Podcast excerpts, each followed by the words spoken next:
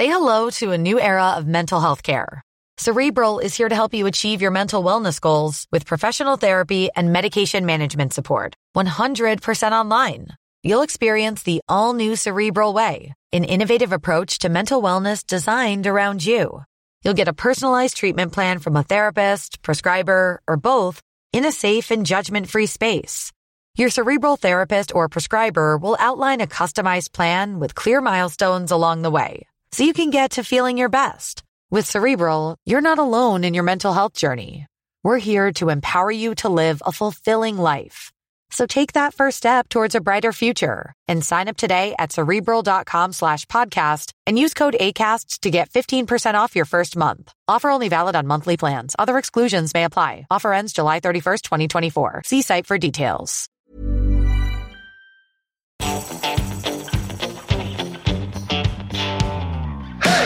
Jegerpodden, en podkast av og for jegere.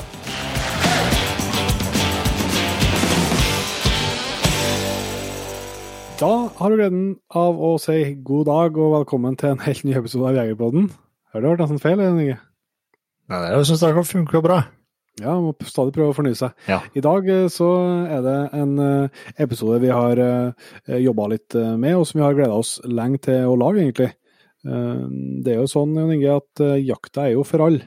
Det er den. Eh, Og for noen så må de gjøre litt annen tilrettelegging og sånt for å kunne delta både på jakt og skjøting, men det er ingen hindring. Det er store muligheter, og et knippe gode representanter for nettopp det har vi samla i episoden her. Mm. Så dette kan dere virkelig se fram til. Det er fylt opp med både gode tips og masse, masse inspirasjon. Utrolig artig å få, få prate med han her. Eh, Men før vi eh, setter i gang med det, så er det en gladmelding eh, at eh, er det, er det rett og slett lyset i enden av koronatunnelen som er i ferd med å, å slå imot oss? I hvert fall er det eh, booka inn første Jegerpodden live med, eh, med folk i, i salen, skal jeg si, på, på Støren kulturhus. Jeg vært invitert dit eh, 7. august. Det blir Mhm. stas, Inge. Det blir stas. Det blir, nesten litt som å gjøre først liveshow igjen, når man plutselig slipper med folk til salen. Nå har hatt tre, Ja.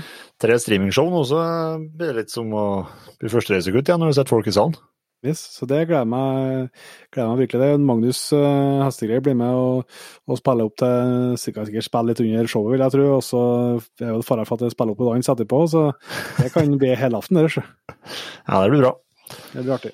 Så der er billettene eh, ut. Du finner vel på Hvis du søker opp eh, Støren kulturhus, så er det vel mulig å finne billetter. Der er det bare 50 tror jeg, som er lagt ut i første omgang, i hvert fall. Så får vi se hvordan, hvordan det utvikler seg med koronasituasjonen. Mm.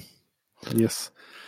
Eh, og så er det jo litt uh, nyheter faktisk òg siden sist, uh, om ikke bare med oss, men, men det er app-tid, virker det som. Det har kommet to nye apper ned på telefonene våre sist uke. Inge. Ja, det har det. Det var Forrige uke så kom Det var i helgatid, tror jeg. Lasta ned nye Tracker Hunter 6, er det det, tror jeg. Yes, jeg tror de kalte den, ja. Det var i hvert fall, ikke mulig å oppdatere den gamle Tracker-appen, man måtte laste ned på nytt. Mhm.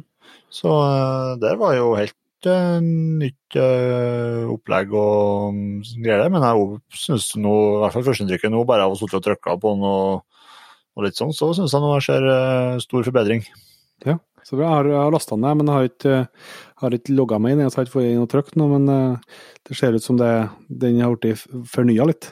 Ja, i hvert fall for oss Android-brukerne så er det noe positivt at når man zoomer med fingrene, så zoomer man på eh, ja, blir kartet med på et vis. Ikke Ja. bare i kartlaget. Mm.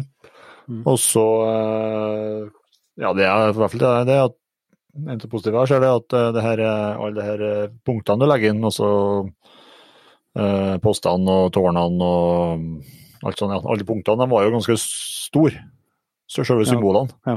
Så de to, hvis du har mye punkt på en plass, da, som eh, man har på enkelte områder, så, så stjal det veldig mye av selve kartet. Men eh, de symbolene ble veldig små nå. Eh, Det syns jeg var et eh, stort løft. da. Så er det helt sikkert mye annet Altså Meniaen og alt er jo forandra. Så jeg syns det så veldig oversiktlig og antagelig mer brukervennlig ut. da.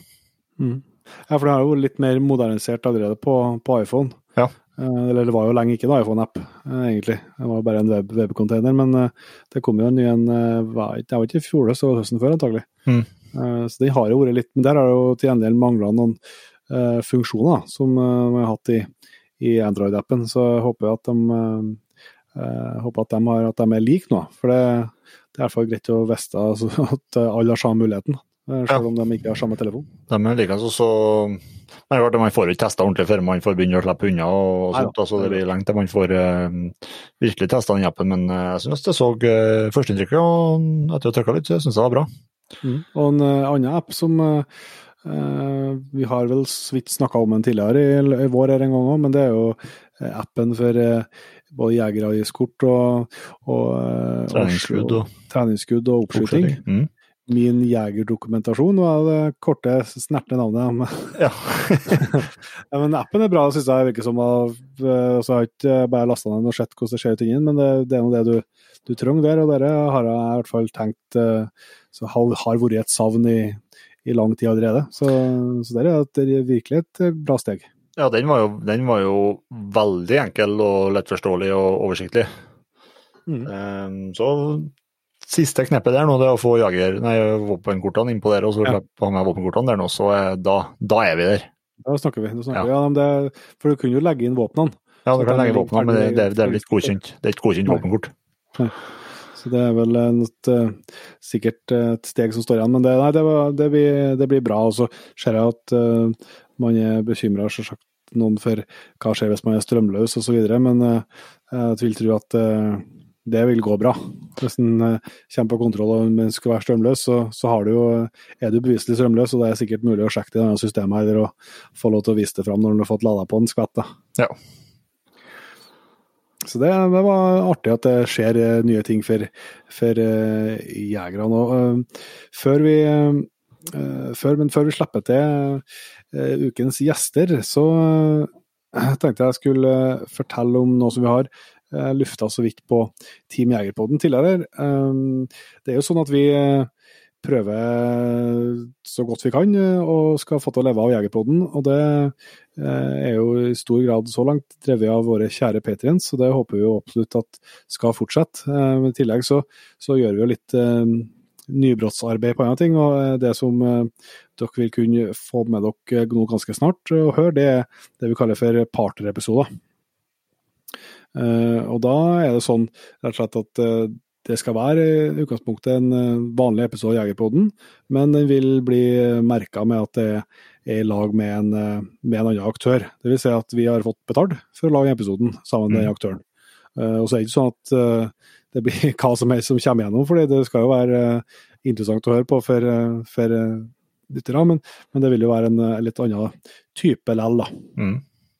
Dere vil komme på onsdager. Ja, de vil jo ikke, det er viktig å poengtere det, de vil ikke erstatte eh, dagens, uh, dagens fredagsepisoder.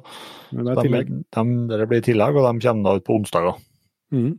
Eh, og da eh, vil han bli tydelig merka sånn, så det skal være å få en annen intro. Så skal det være greit å få med seg at, eh, at det her er da i lag med en, med en annen aktør. Men ellers så prøver vi å lage en sånn som man er vant til å høre Jegerpodden, med, med mye jaktprat og tips og triks og, og det som er. Så neste onsdag nå så kommer første versjon ut av, så må gjerne sjekke ut den. Og, og kom gjerne med tilbakemeldinger på hva dere syns om, om det. Så håper vi at det, det funker. Jeg tror det kan være en, en eh, veldig nyttig og god løsning både for oss og, og for eh, annonsører eller partnere som, som vil være med på, på dere. Da. Mm, absolutt. Eh, Da tror jeg vi bare kjører på og takker nye P3-en, for og så kjører vi i gang Snurrer vi film, nær sagt. Snurrer vi episode. Ja, Det er ja. Eh, Da snakker vi på toppen og sier tusen hjertelig takk til Aksel eh, Rådyrsen, Andreas Nygaard, Arne Olav Aune, Audun Håkedal, Daniel Hvitting. Einar Glomstad, Frode Lote, Ingrid Stubbsjøen, Ivar Steinsvik, Jan Rune Asbjørnslett, Karl Eirik Ellingsæter, Krister Kravdal, Kristian Svegård, Kristoffer André Årsheim, Lars Ove Dulsvik, Lars Erik Olsen, Marius Hoås, Morten Tesaker, Odd Magne Skånseng, Ole Idole, Tommy Carlsen Tormod Strand. og Åsa Flatland. Tusen hjertelig takk til dere, og selvsagt til alle P3-en som stadig er med oss. Det setter vi utrolig stor pris på. Der er det faktisk nå sånn at vi har gått ut med et nytt mål. At om vi klarer å nå 2000 P3-en, så skal vi trekke ut eh, et par hellige P3-en som eh, forhåpentligvis hellige i hvert fall. De skal i hvert fall få være med på, på løsjakt på elg i lag med oss hvis de, eh, hvis de vil. Så hvis du har lyst til å støtte jobben vi gjør med Jegerpodden, så er du hjertelig velkommen inn i P3-jaktlaget, du òg. Men da tror jeg vi setter over. Det gjør vi. Da har vi gleden av å ønske Leif Arild Fjellheim hjertelig velkommen til Jegerpodden. Ja, tusen takk. Og jeg tror faktisk det er første gang Jon Inge, at Jegerpodden er på Kæmøy. Ja, det tror Ja, jeg. ja, så bra, så bra, så bra. Men da er det jo ikke et sekund for seint. så Karmøy er bra, vet du. Det har vi mye å by på. Iallfall på Ja, oss sjøl. Veldig bra. Du, eh, Leif Arne, vi skal prate om litt forskjellig, men eh, du må først begynne å fortelle oss litt eh, om deg sjøl.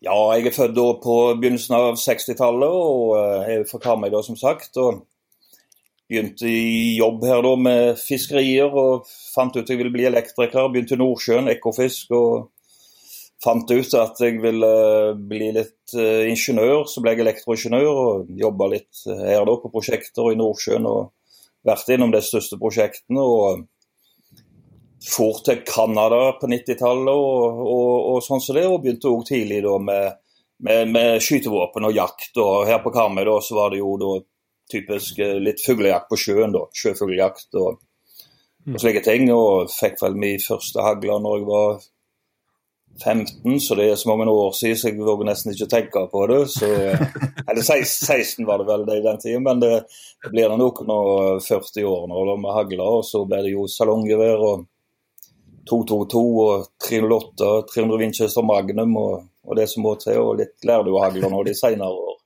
Ja. Så, så ja da, så litt Og jeg har alltid likt friluftsliv og fiske. Og faren min tok jo, han er jo jo fisker, og, men det var jo profesjonelle fiskere, ordentlige fiskere, ikke sånn Ja, ja, hobbyfisker. Med trål og, og not. og jeg var litt om bord der på linefiske i Oslofjorden da, med- når det, på enkelte båter òg.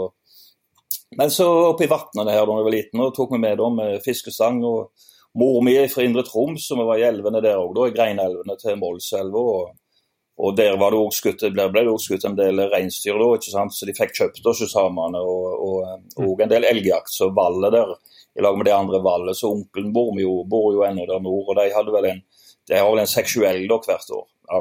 Ja. Så, så når jeg var i Canada òg, Newfoundland, det kan man jo komme litt tilbake til, så var jeg litt på elgjakt der òg, og, og karibu. og hadde faktisk òg en del svartbjørnlisenser, så jeg var, var i skogen og så etter dem òg. Men jeg la ikke ut åte, så det ble eh, Jeg skulle liksom smyge meg inn på disse svartbjørnene, men det var ikke så lett. De så meg sikkert, de bare lo av meg og, og stakk av seg. Altså.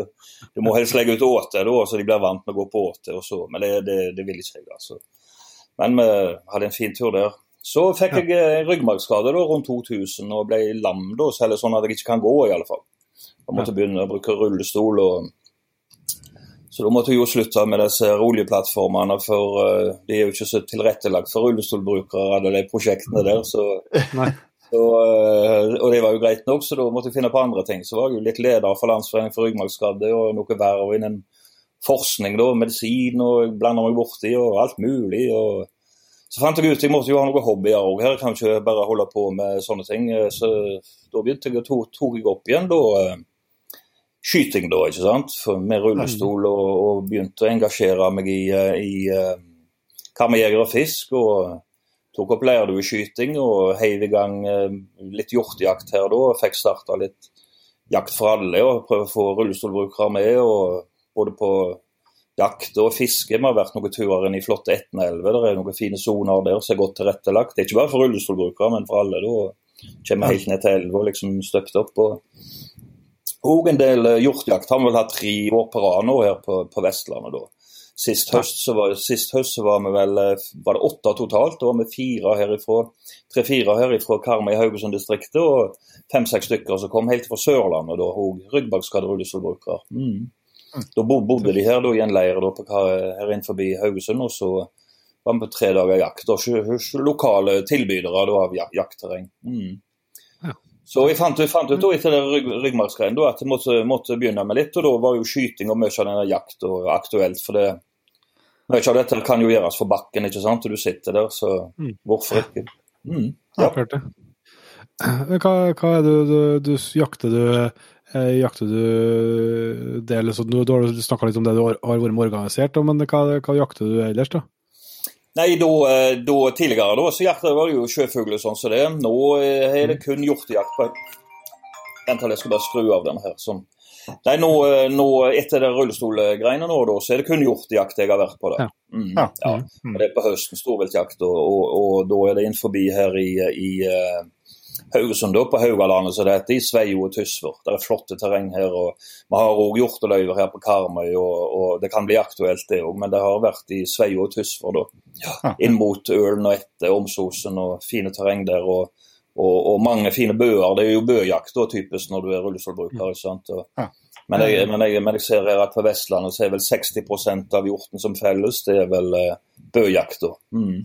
Ja, sant. Skumriksjakt og, og alt det der. Så det er det jeg har engasjert meg i da. Men jeg Mm. planlegger òg å, å, å, å prøve meg gjennom på litt gåsjakt og sånn, så det, for det går an da. Enkelt. ikke sant? Og, Ja, ja. Ja, ja, en del gås. Ja da, så det, det er mange muligheter. Og, og noen av de da som var med på denne jakta sist, et par av de damene nå, det ei herifra, ei ei anna, de planlegger jo å planla å dra med et sånt jaktlag nå over til Sverige på vill- villsvinjakt og forskjellig. og Ja, ja. så da begynner dette prosjektet å bære frukter, at folk tar av på egen hånd og, og, Ja. og engasjerer seg i jakt. Og, og Det var jo det som var målet da med der Jakt for alle, at en skulle liksom spre det gode året, lage noen eksempler, og at folk tok det opp sjøl og, Mm. og, og tar det derifra. Mm. Men du er. Du er en ganske ivrig skjøtter òg. Vi har fått med oss til, til skjøtte som i løpet av en sesong. Ja, Det blir noen tusen duer, altså. Det blir det. Det er ikke legge skjul på det. Det går igjen i tirsdag og torsdag og gjerne litt på lørdagen og på dagen, så det ryker fort ut. Jeg tror opp i 250 prøveskudd her, en øvelseskudd på en trening òg her en kveld, så det ser fort, fort ut løpet. Men eh, vi liker jo både treffe lærduer, noen av oss, og så hører smellen og kombinasjonen der, så da er det bare til å gi, gi gass. Nei, Jeg begynte med det, og det begynte med det var veldig fint. det, for disse lærduebanene de ligger jo der, ikke sant? rundt i Norges land. De ligger på bakken og de er tilrettelagt. Og Her på Karmøy har vi jo investert nå for tre millioner, og Karmøyjeger Fisk da, det blitt et helt fantastisk anlegg. Med lærduesti som er asfaltert, og nye bygninger og bygningsmasse. og Nå Sist på lørdag så var jeg også på klubbmesterskap på trapp i, til Haugesund Omegn Jeger og Fisk. og To flotte trapper der og med nytt klubbhus og alt er universelt utforma. Men el- eldre baner òg. Er tilrettelagt, for de ligger på bakken der. ikke sant? Enten det er riflebane eller lærduebane, så ligger de jo der. Og det kan hende det er en dørstokk for å komme inn til en trappbane, og da er det bare litt å rampe. Så det er ingenting som skal til. Så her er det jo fire, over 400 baner vet du, over hele landet, og hver liten dal med respekt for seg sjøl har jo en lærduebane, ikke sant. Så de, de er der, og det, det er liksom bare til å, å begynne. Mm. Ja. Så jeg, jeg, jeg, jeg, jeg prøver jo å få rullestolbrukere med på dette, det har vi jo fått til òg. Men jeg, jeg, jeg skyter jo glatt sjøl nå i lag med vanlige si, så, såkalt funksjonsfriske. Da, da. Mm. Ja. Mm. Målet er jo å slå flest mulig gående. det, er jo, jeg må jo ha litt mål her i livet. Ikke sant? Så, ja, da. Men det, det, det tilrettelegget altså det, du har ikke, Jeg har selvsagt ikke tenkt på det før, men du har jo et godt poeng. altså det, Når du forteller om det, så bare ser jeg for meg mange av de banene jeg har vært på. og Du, du har jo helt rett, for deg, det er jo ikke noe problem, det. Ja, bare å kjøre rett inn og, og bli med. ja, ja. Så det må jo ligge ganske godt til rette for en breddeidrett, på et vis. Altså, jeg, vet, jeg har sett litt på Facebook-gruppa di, som eh, for øvrig kan anbefale til alle som heter Jakt for alle. Uh, der er jo snakka litt om, eh, om paraskyting og paratrapp og sånn. Mhm, Eh, ja. Dere må jo kunne ligge til rette for å være litt sånn bredde, breddeidrett, sånn sett. da. Absolutt. Nå har du jo Norges Jeger- og Fiskerforbund, de er jo flinke, og det er jo de som har mange av disse skytebanene og lærduebanene rundt omkring i landet. Og Hvis du skal inn da på sånn organisert idrett, da, så må du innom via Skytterforbundet og Norges eh, idrettsforbund. ikke sant? Ja, ja. Og, og, og, og internasjonalt da, så blir det via, via internasjonal sportsskytter, eh, ISSF da, ikke sant? Og, og Paralympics og alt det der. Så det de har begynt med nå internasjonalt, det er paratrapp. Det er lærdueskyting, og para da står for paraplegikk. Og trapp Mm. Det er referanse da til trappskyting, ikke sant? Det er du. Ja. Så det de begynte med nå, det internasjonale skytterforbundet, og de skyter olympic trapp. Og italienere, og engelskmenn og USA begynner å kjempe bane, og Australia og flere land. Og World Cup starta de i 2017, og nå er det World Cup gående da, på, på paratrapp. Og, og de skyter olympic trapp da. Grunnen til, grunnen til de skyter olympic trapp, er at du får begynne montert, så du slipper å hive opp kolben sånn oppkast som du har på jegertrapp. Og, og, og, og, det er greit. Og, da får du flere med, da. Mm. Mm. Og, dette her eh, er en sport som en ønsker da skal ta av mer og mer. og det Engelskmenn typisk da, italienere har kommet veldig langt, og spanjoler. og Nå begynner USA å komme på banen.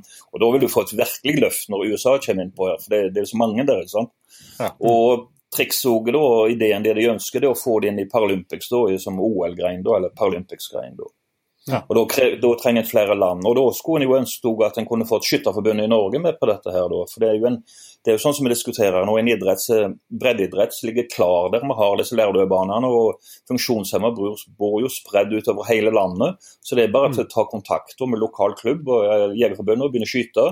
Og, og, og Skytterforbundet kunne vært med da, og, og, lagt til rette for noen samlinger i Norge. ikke sant? Litt konkurranser mm. og litt uh, litt sånn uh, uttak da, lagt igjen et landslag uh, på sikt, da, så hadde du fått både topp og bredde. Og Så kunne en reist ut og konkurrert med disse utlendingene. Da banka ja. det jo litt. Og, og, det, og det, det, det, er viktig hele tiden. Må, ja, må banke noen, ikke, ikke sånn ordentlig på juling, da, men å slå folk i skyting. Det, det er viktig. Det, hører, Også, hører, ja. Ja, det, det konkurransemomentet her det er viktig uansett når det gjelder skyting. og Det er jo det som er kult, for da blir du litt sur en dag og glad en dag, og en annen dag, annen dag så er det noen andre som blir sure. og så, Sånn går, går nå dagene, ikke det de sier. Så, så, men her ligger det mange muligheter, og det koster lite. For banene ligger der, og skytesport er billig. Spesielt lærer du skyting, ikke sant. Begynner du på rifleskyting, så koster det mer enn hvis du skal på, på sånne eh, trinn lotter og sånn som det, men da kan du lade sjøl. Men uh, Skytterforbundet har jo en del òg når det gjelder miniatyrskyting, f.eks. luft og salong. Det er jo billigere. Men det er jo ofte innendørs. Det kulere med å ha begynt med lærduskyting og sånn, så det, det er at du er ute, du får jo friluftslivet med deg òg. Og, og alt, hvis du er på lærdus, det gjelder sporting eller kanskje ikke trapp, da, men andre lærduskyting generelt. Så det er veldig sosialt, og du trenger ikke tid stilt. Det er veldig morsomt. Du får lov å snakke. Er du på en, for en miniatyrskytebane med luft, der det er superkonsentrasjon, bare du sier et pip der, vet du, ser alle på deg. det, Så det, det er litt sånn òg, altså. Eh, Haglesporten er litt fin der, da. Mm. Ja. Så her ligger det mange muligheter. Da. Men eh, per i dag også kan en konkurrere ut i verden da, i paratrapp. Det er bare å melde seg på sjøl, og så må du kvalifisere deg via et åpent stevne der ute. Og melde deg på da, mhm. via Skytterforbundet. Så det går. og Jeg hadde planen å melde meg på i Lonato da, i, i Nord-Italia, i nærheten av Garnasjøen, der Perassi-fabrikken alt ligger. da. Jeg lærer jo mhm. skyting da, for, for sånne rullestolbrukere. Så der er det tre klasser. da. Det er stående med dårlig armfunksjon, f.eks. Eh, hvis de er lamme i en arm eller eh, amputert en arm. Og så er det stående med, dårlig beinfunksjon, det er hvis du har amputert en fot eller, eller ja. du har problemer med nervesystemet der da, eller så er det òg rullestolbrukere, så er den tredje klassen. Så det, så det er de tre klassene de har. I Norge har vi ikke begynt med det, da, men det hadde vært fint hvis Skytterforbundet kunne begynt med det. Men ellers er det jo bare til å møte opp på lokal eh, jegerforening, jegerklubb, og spørre om du kan skyte lærduer. Så er de veldig positive, og som sagt, banene ligger der. Så her er det bare til å hoppe på. Mm. Ja. Fantastisk artig å høre på. Du, eh, vi skal eh, ha et spørsmål som jeg har sett at du har engasjert deg i litt, Leif Arild. Det går på dere med Eh, motoriserte kjøretøy, og kunne bruke det liksom for å eh, både kunne komme seg til der du skal jakte, men også kunne skjøte fra Vi vet at det er lov til ikke, ikke til å skjøte fra bil og fra motoriserte kjøretøy, men jeg antok jo at det var helt sikkert unntak for, eh, f.eks. rundestolbrukere, men sånn er det ikke. Nei, det er ikke det. og Det, det er òg begynt med å diskutere for noen år siden, når jeg tok kontakt med tidligere leder i Jegerforbundet. Espen Søylen han var jo veldig positiv til det jakt for alle. og bare hoppet på den ideen, da, for å si det først. Da, ikke sant? Du hadde jo Jakt for alle da, pågått en stund nå i Sverige siden 2011. Så var det jeg snappet opp ideen, så tok jeg kontakt med han da. Og, og det eneste han var irritert på, da, det var at han ikke kom på ideen sjøl. Så det, det, var jo litt bra, da. Og så det, tok det ene og det andre, og så kom vi på dette her da med jakt. da, for det, Skyte og skytesport er jo fint i seg sjøl, men jakt er òg en del av dette. da. Og Da var det da for eh, funksjonshemmede rullestolbrukere da, eh, en utfordring det med at du ikke fikk skyte da fra motoris motorisert eh, redskap eller kjøretøy da, eller ferdsel. Mm. Og, og, og, det er rett og slett at en har ikke lov å bruke, sitte opp på en, en, ting da, som kommer inn under motorisert ferdsel, og det er alt med motor. Der har du ikke lov å sitte opp og skyte. Og Nå i dag kommer det jo masse fine eh, rullestoler som er terrenggående. Det trenger ikke være ATV, men rett og slett rullestoler. Bare en vanlig elektrisk rullestol får du ikke lov å sitte oppe og skyte, for det er motorisert. Så da kan du si at du må gjerne fram på den bøen da, hvis du skal på, på hjortejakt. og så må du hoppe fra den, den elektriske rullestolen den motoriserte rullestolen opp på en manuell for, for, å få lov å skyte. Det, det ble jo litt dumt. Og, og en, en, en, en sånne rullestolbrukere burde kanskje òg Eller vi ønsker òg få lov å skåte f.eks. ifra ala, eller brukt motorisert ferdsel da, som en ATV òg, for å komme inn i skauen for å skyte. Da, ikke sant? Mhm. For å oppsøke disse dyrene, da, hvis du kan gjøre det på en fin måte og, og, og, og alt det der. Det, det, er loven ganske streng på. Det henger nok tilbake fra tida da at du skal liksom prøve å unngå å bruke motorisert kjøretøy både for å oppsøke dyr og kanskje på tjuvjakt og sånn, der du gjerne satt i en bil eller Jeg vet ikke, jeg har ikke kjennskap til det. Men det er noe, det de mener da, både de vi har snakket med i departementene da, og i, i direktoratene, at det, det, er jo en gammel lov, dette her. så Det er ikke, det er ikke oppjustert mot dagens samfunn. Og Vi rullestolbrukere og funksjonshemmede og, og, vi er jo liksom andre folk. Vi ønsker jo ikke et frislipp av motorisert ferdsel der du kjører over myrer og landskap. Vi ønsker jo kun den enkle eh, muligheten da? At en, at en, kan få lov å bruke motorisert ferdsel på jakt da, hvis du er funksjonshemmet eller rullestolbruker. og da, da, Det er mange måter å ordne det på. det er jo at Dokumentasjon da må jo være igjen at du har en stålvilt prøve, at du har lovlig, lovlig, eh, lovlig eller du har en lovlig grunn eh, eller ja, at det er et lovlig ærend du er ute i, da, at du kan dokumentere det. da, ikke sant? Men for Vi òg liker jo, elsker jo naturen vi er på like linje, like linje som andre. Og, og, og, ikke sant? Jeg er jo blitt tatt, tatt eh, Jeg var jo på denne vindmøllesaken som går litt her nå i, i norsk natur. Da var det jo en der som ville ha vindmøller, og han klarte jo å prestere seg fra talerstolen at uh, rullestolbrukere, Det er jo perfekt for rullestolbrukere, disse veiene vindmøllene får. da, For der kan du bare rulle ut i naturen da. Så sier jeg ja, men faen, det, jeg har jo samme synestetikken jeg som andre folk på naturen. Jeg ønsker jo ikke å komme ut i en natur med masse vindmøller. Da kan jeg liksom godt rulle, liksom godt rulle ned på et sånn mekanisk skipsverksted. Aker Stord eller Kværner Stord. Altså, sånne ting jeg vil se. Så, så, de misforstår litt, ikke sant? For vi har jo samme synet på naturen og estetikken og etikken og alt det der, moralen. ikke sant? Du må ta vare på dette her. og Det er kun at en eh, at en eh, skal få lov til å bruke motorisert ferdsel hvis en er rullestolbruker.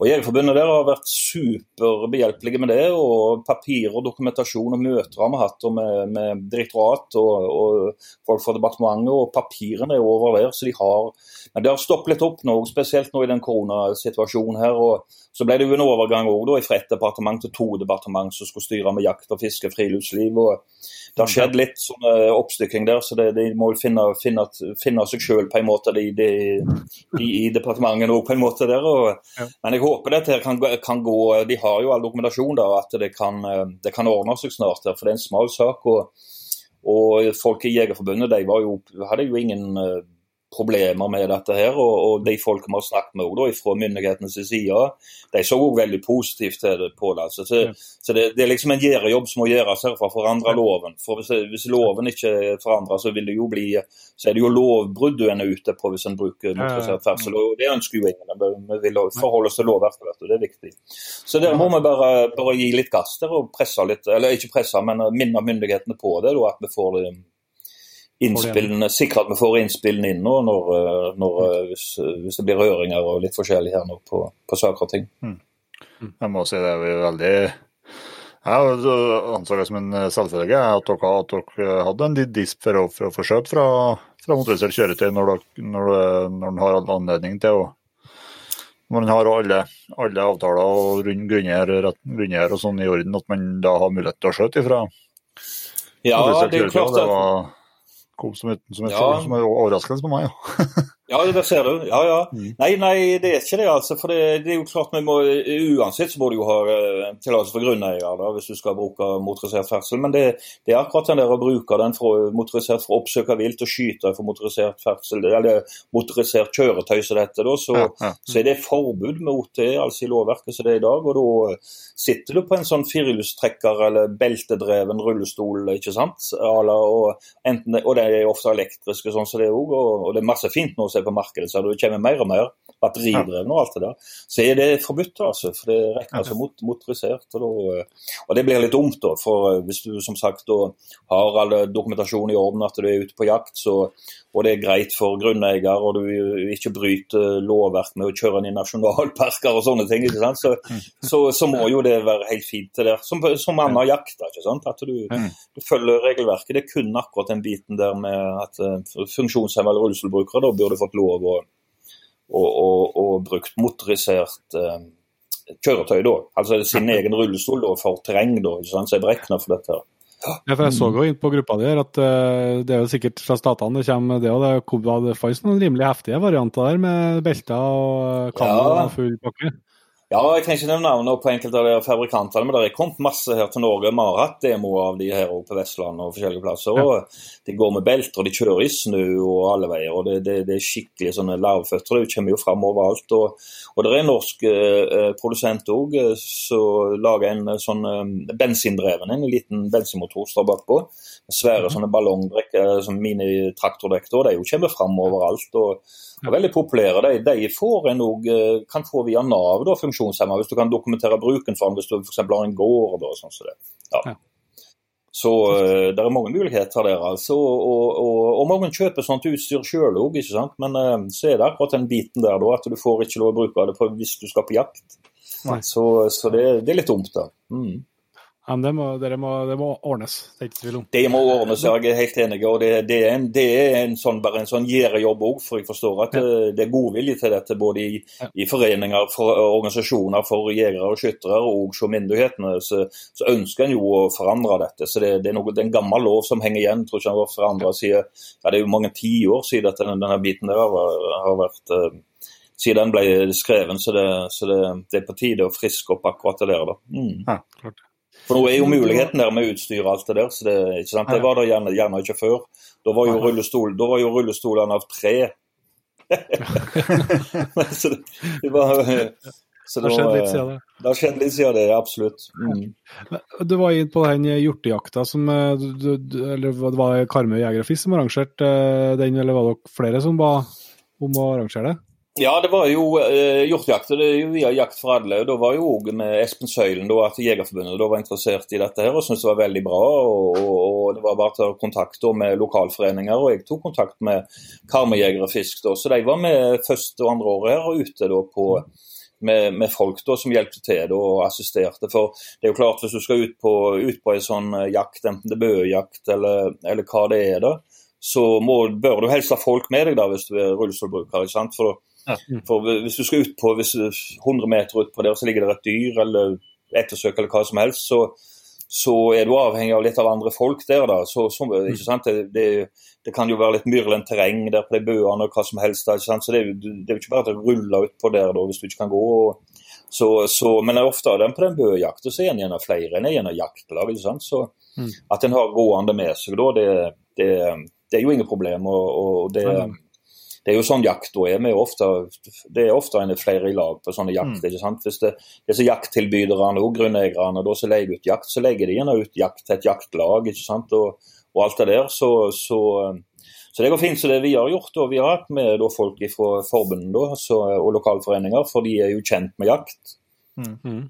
Men eh, det går jo fint an òg. Og, og enkelte grunneiere har jo òg eh, assistenter som hjelper til med jakt som de leier ut. og Da kan du jo få få assistenter med der, da. Eller hvis du kjenner noen sjøl som kjenner til jakt og fiske, så er det jo ingen problem det. Du må jo bare ha, det, ha, det, ha kontroll på det du gjør. og ikke sant? Ettersøks- ekvipasje det må du ha sjøl. Hvis, hvis, du ikke leier via jakttilbydere, leier du via jakttilbydere, så er jo det òg tatt i vare. ikke sant? Du har jo bare et mobilt nummer. da, og, og Mange av disse jakttilbyderne her på Vestlandet òg, de har jo kontroll på på slakting og alt det der. De har jo slakterier sjøl òg, eller kontakt med slakterier. Så hvis du skyter en hjort, så kommer jo de og hjelper til med å transportere dyr og alt. ikke sant? Og, og det gjør de for funksjonsfriske jegere òg som går, ikke sant. Så hjelper de til med alt det der. Så, så det er ikke noe særlig forskjell der. Det er kun at en ikke som rullestolbrukere så sliter vi litt med, med sånn smygjakt og den type ting oppe i fjellene. da, Åle oss inn på disse uh, hjortene da, på dagtid kanskje forskjellig, men uh, det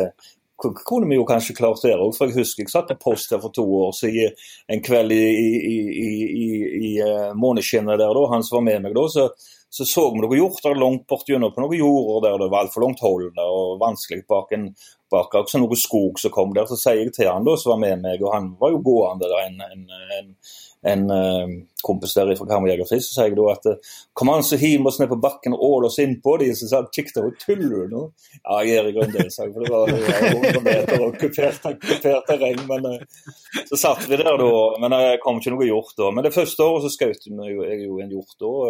Og de to damene her fra Karmøy og Haugesund her, og Tysvær her, nei fra Haugesund unnskyld, og Tysvær her, de skjøt hver sin hjort i løpet av sesongen i, i fjor. da. Mm. Ja, ja. Så det, det, skjer litt, og, og, og, og, nå får vi prøve igjen litt til høsten her. og ja. Flere av de tar jo Ja. Det er jo mulig å se for seg det både på hjortejakt flere plasser i landet, men òg på, på elgjakt og, og rådyrjakt. Og, og, mye, mye forskjellige jakttyper ja, som, som er greie å komme til. Ja, jeg fikk jo være med en, en grunneieren her da, første år på, på drivjakt. og Da fikk jeg en fin post, men jeg skjøt ikke dyr da. Men jaktlaget der da skjøt en hjort og et rådyr. Det var sånn oppsamlingsjakt på slutten av året. da, Opp mot vinteren. så fint, fint, å sitte ute der når det begynner å bli litt kaldt i luft og alt. Det er jo naturopplevelsen her som er fin òg. At du får litt kjenne du ute og alt det der. Å skyte det dyret, det er liksom prikken over i-en. Det er å komme seg mm. ut og være med og kjenne litt på den der grillpølsa etterpå. og ikke sant? Og kaffe. Da, altså den, sos den sosiale biten? Ja, og så litt røyke fra bål og det der. Det sosiale biten, absolutt. Mm. Det, det, det, det, er totalpakken her. ikke sant? Det er ikke bare, mm, ja. Det er ikke bare å, å, spise det denne hjorten fra fryseboksen. for det, det kan du jo kanskje bli lei av òg hvis du trør inn på to-tre hjortebiffer i uka og, og hjortepølser, så, så, ønsker du kanskje litt uh, litt uh, ertersuppe innimellom der òg, da. Så det er fint. Nei, det er mange muligheter. så det og elgjakt, helt klart. helt klart. Jeg har tenkt på der nord i Troms, da, siden mor mi kommer fra en gård der da, og slekt der. og er mulighet der. Det er jo skogsveier. ikke sant? Driver du under en dal, så sitter du der. og og på Østlandet spesielt, og ja, hele Trøndelag og alle veier. og Rådyrjakt er det muligheter på, og fuglejakt, gåsejakt og alt det der. og og det er mange fine, mulig, fine, fin, fint utstyr du kan kjøpe nå, vet du, til forskjellige typer jakt. Jeg ser når vi har sett på post her nå, en av de fine tingene jeg kjøpte, da, det er sånn type sånn jakttelt, sånn pop-opp-telt, så det bare smekker opp. ikke sant? Du får kjøpt det på Excel Sport eller hvor som helst. og Der sitter du inni, og du kan ha en uh, jaktkompis, kollega med, eller hvem som helst. Kona di, eller hvem som helst. og Sitter du inni der, og kaffe og skiver. og følger med ut gluggen og har tripod, så rifla bare står klar i og på bøen der og følger med. og men den der eh, Jaktteltet er jo fint, og spesielt her på Vestlandet og, og kanskje andre plasser i Norge òg. For det, det, tar en del av, av Spesielt hvis, hvis, det regner, så er det ofte vanntett tak. Ja. Så er det tørt og fint inni der. og Du tar vekk en del lyd òg, og litt mm. lukt. og og kamuflasjetelt òg, så det er veldig fint. Det, men det blir, det, det blir atskillig mange mer grader inni teltet. For det er jo klart at du skal sitte en hel kveld og kanskje òg til morgen, så, og på morgenen da, på post der og på en bø, så kan det fort bli kaldt. altså. Det er jo, det er jo kulden som ofte, ofte, oftest tar, tar knekken på jaktlysten når, når, du sitter sånn på post. da, da, er det nok lurt enten å bruke sånn fint plagg som har kommet nå med varmekabler i. Mange bruker det òg. Og kle seg godt, selvfølgelig. Tradisjonelt med ull og flere lag og alt det der. Men det der jaktteltet, det er unike det, det er noe kjempefint som er kommet. altså. Billig er det òg. Tror det er tusenlappen ca. så har du. Det fungerer året etter år. Du bare smekker det opp, og så sitter du inni der. og Det kan en bruke for eksempel, kanskje på gåsejakt og sånne ting, for du blir i kamuflasjen. der. Og, så det er veldig, veldig fint, det. altså. Så, mm, ja, mange muligheter. Før vi begynner å gå inn for landing her, eller farlig, så lurer jeg på, har du noe Du har jo kommet med masse gode tips allerede her, men har du noen noe tips eh, sånn på tampen her til enten til jegere som uh, trenger litt tilrettelegging, eller for andre som ønsker å, å bidra med tilrettelegging? Ja, Ja, det er jo det, er jo, det, er jo, det, er jo det å ta kontakt med lokale Norges Jeger- og Fiskerforbund foreninger. Da. De er veldig positive, de som har begynt nå kring forskjellige plasser. Jeg vet om folk der i Telemark og andre plasser, Nord-Norge også har sett på dette. Og på Sørlandet, Kristiansand Jeger og Fisk, og de er veldig positive. og De kan jo alt om dette. Og, og i sum med rullestolbrukerne og, og og Jegerforbundet så finner en ut av ting hvis det er upløyd mark en skal inn på. ikke sant? For å si det sånn, mm, mm. litt sånn i gåseøyne, så, så finner en ut av det i fellesskap. Og, og, og jaktterreng klarer en òg å spore opp, da, ikke sant? eller en får leie. Og, og hvis det er snakk om penger òg, så er det for rullestolbrukere mange fine søknadsmuligheter se forskjellige stiftelser utpå der, ikke sant? som gir penger til den, den type fysisk aktiviteter for funksjonshemmede rullestolbrukere. Og, og, utover det så er det jo selvfølgelig hvis en skal se på post her, å kle seg godt. Og, og hvis det er skumringsjakter, som postjakt ofte er, så er det jo eh, viktig da, å få en god kikkert, kikkertsikte, da. Vanlig kikkert og kikkertsikte med god lystransmisjon, da, lysgjennomstrømming. Det er viktig. For da får, du, da får, du, brukt mange timer av kvelden. Jeg så en kikkert jeg hadde på ei gammel rifle jeg hadde. den kunne jeg bare, Det var helt totalt ubrukelig. Så hadde jeg en annen, en ganske god en, men så fikk jeg tak i en Seis Victory HT, da, så en, en fra, en fra Seis da. og og den er jo helt suveren da på, på skumringsjakter der. Mm. Stor, stor 56 er det der nede, millimeter, og, og, men veld, veldig fin den der. Altså Da får du brukt mange timer. Så kommer plutselig denne, Hvis du kombinerer med måneskinnet, så kan du sitte hele natta.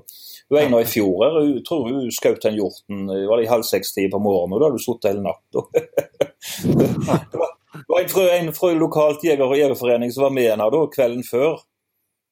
Og så sier han da at uh, så sier han da at eh, ja, nå begynner det seint, litt over tolv.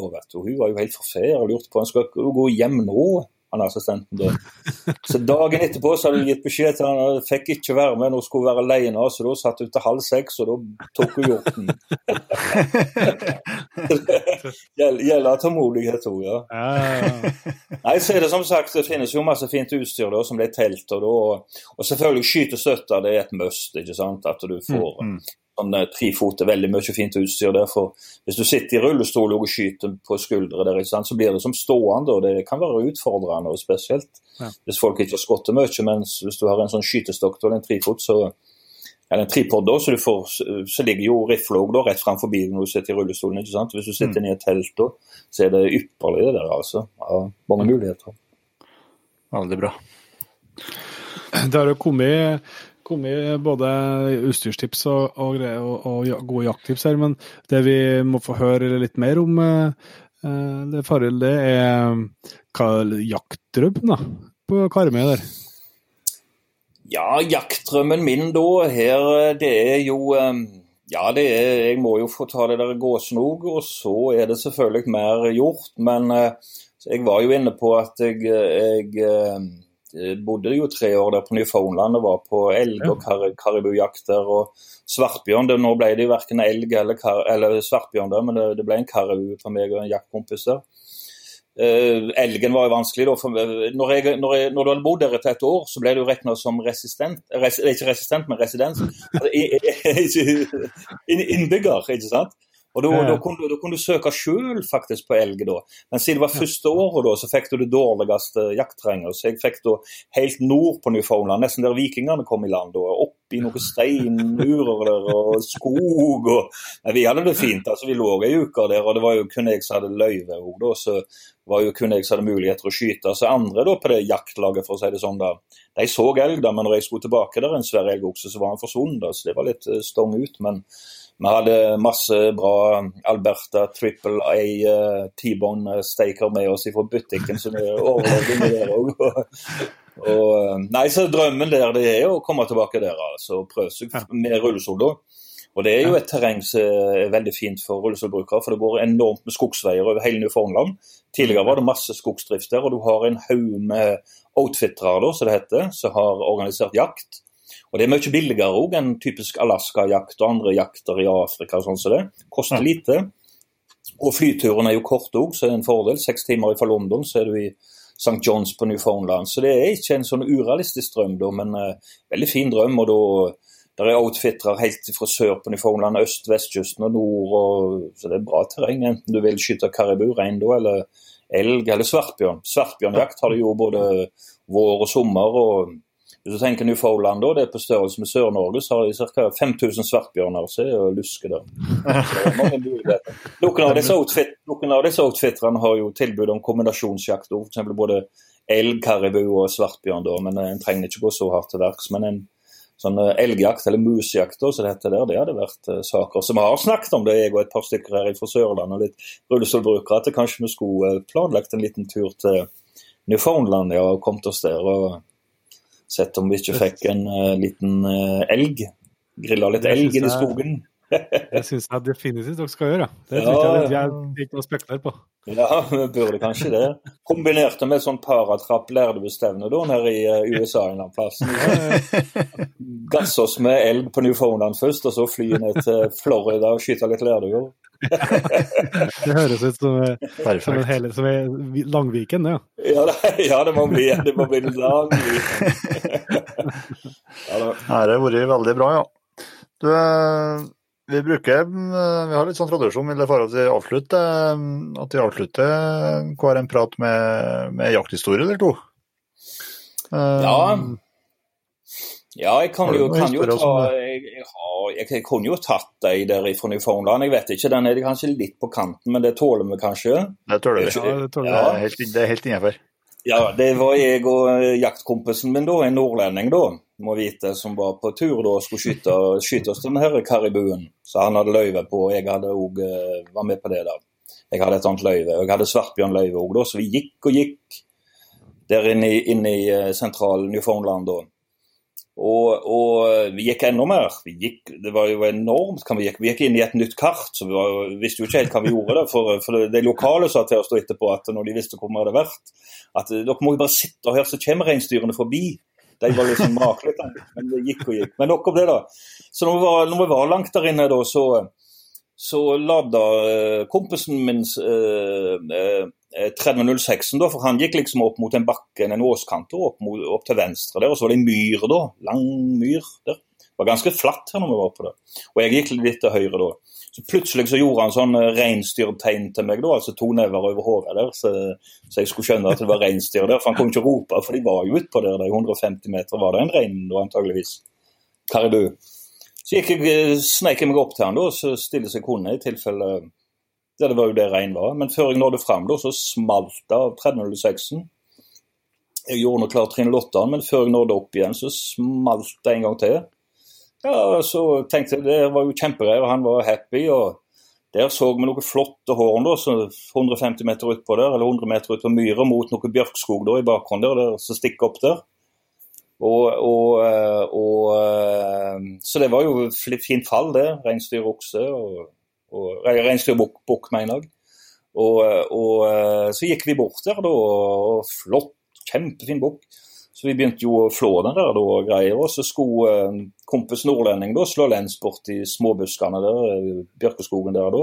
Så hørte jeg bare ifra han da. Fy faen, Fjellheim, her ligger det enda en! Så han skulle Så var det da at han Den første, da, når han fyrte av på den, vet du, så hadde han sikkert sett ned da mens han tok ladegrep, han der fyren da. ikke sant? Og så datt jo bang i skudd, for han var skutt rett gjennom hjertet. Han datt med en gang, den han første. Så sto sikkert kompisen til reinen, da, en annen rein, rett bak, akkurat lik. Ti meter lenger bak, så den datt på andre skuddet, for han trodde det var den samme. Så det var det to stykker. Men det var morsomt det når jeg hørte plutselig fra Fy faen, fjellet, vi ligger der ennå en. så så vi, vi, vi, fikk jo et forklaringsproblem med oppsynet der, men alt gikk fint da. Men, eh, men eh, det var litt sånn var litt shaky på den der, for vi var Skulle ikke skje, da. Skulle ikke skje, men, eh, men sånn var det. Og det var masse karibu der, og folk fikk jo mat av den, og alt gikk fint. og Ellers så vet jeg ikke. Vi har noe fuglejakthistorie her ute på båt og sånn, men eh, jeg tenker det holder med den der uh, Newfoundland. det er veldig bra. Ja. Nei, men du, da skal vi si tusen takk for at du ville være med å ta en uh, prat med oss, uh, Le og ja. inspirere både oss og forhåpentligvis noen som hører på, til å, ja. å virkelig gripe mulighetene som ligger både på jakt og skjøting. Ja, jo, tusen takk til dere òg. Det var veldig hyggelig dette her, må vi si. Og veldig kjekt å snakke med folk som er har samme interessen. Og så får vi håpe at uh, masse folk lytter på dette. og Spesielt at rullestolbrukere, funksjonshemmede og pårørende også, som har ungdommer som er rullestolbrukere. At de, de, tar dem med ut hvis du har foreldre. ikke sant? Hvis de har ungdommer, kanskje 12-13-14-åringer, de trenger ikke være mer vet du, før f.eks. de begynner med lærdueskyting, Så kan de begynne der. og mm. Jegerprøvekursene er tilrettelagt òg, og ofte. ikke sant? Og, mm. Så det er, ingen, det er bare muligheter her. Og, og som sagt, jeger- og skytemiljøet i Norge det er jo veldig veldig bra og sosialt og stødige folk. og og, og, en stor sport og, og en stor, uh, stor, hobby er det òg, ikke minst. ikke sant? Det er jo, mm. ja. jo, Norge er jo, er jo, bygd på jakttradisjoner, jakt og fiske og skyting. Og, så det, det, det, er mye positivitet der, og lett å komme i kontakt med folk hvis du holder på der. for det er jo du kan jo se hvor store det er landskytterstevner eller skytestevner til jeger og fisk, eller hva det er. ikke sant? Det samler jo hundrevis og tusenvis i løpet av året. ikke sant? Og, Mm. Så det er flotte greier. Og jakt er jo stor, ikke sant? både på fugl og eller småvilt og storvilt. så det, det, det, er tradisjonen for det i Norge. og Ingen grunn til at rullestolbrukere ikke skal være med på det. Helt klart. Helt klart. Tusen takk, Lefaril. Ja, takk det samme til dere da. Ha det godt. Say hello to a new era of mental health care. Cerebral is here to help you achieve your mental wellness goals with professional therapy and medication management support. 100% online. You'll experience the all new Cerebral Way, an innovative approach to mental wellness designed around you. You'll get a personalized treatment plan from a therapist, prescriber, or both in a safe and judgment free space. Your cerebral therapist or prescriber will outline a customized plan with clear milestones along the way so you can get to feeling your best. With Cerebral, you're not alone in your mental health journey. We're here to empower you to live a fulfilling life. So take that first step towards a brighter future and sign up today at cerebral.com slash podcast and use code ACasts to get 15% off your first month. Offer only valid on monthly plans. Other exclusions may apply. Offer ends July 31st, 2024. See site for details.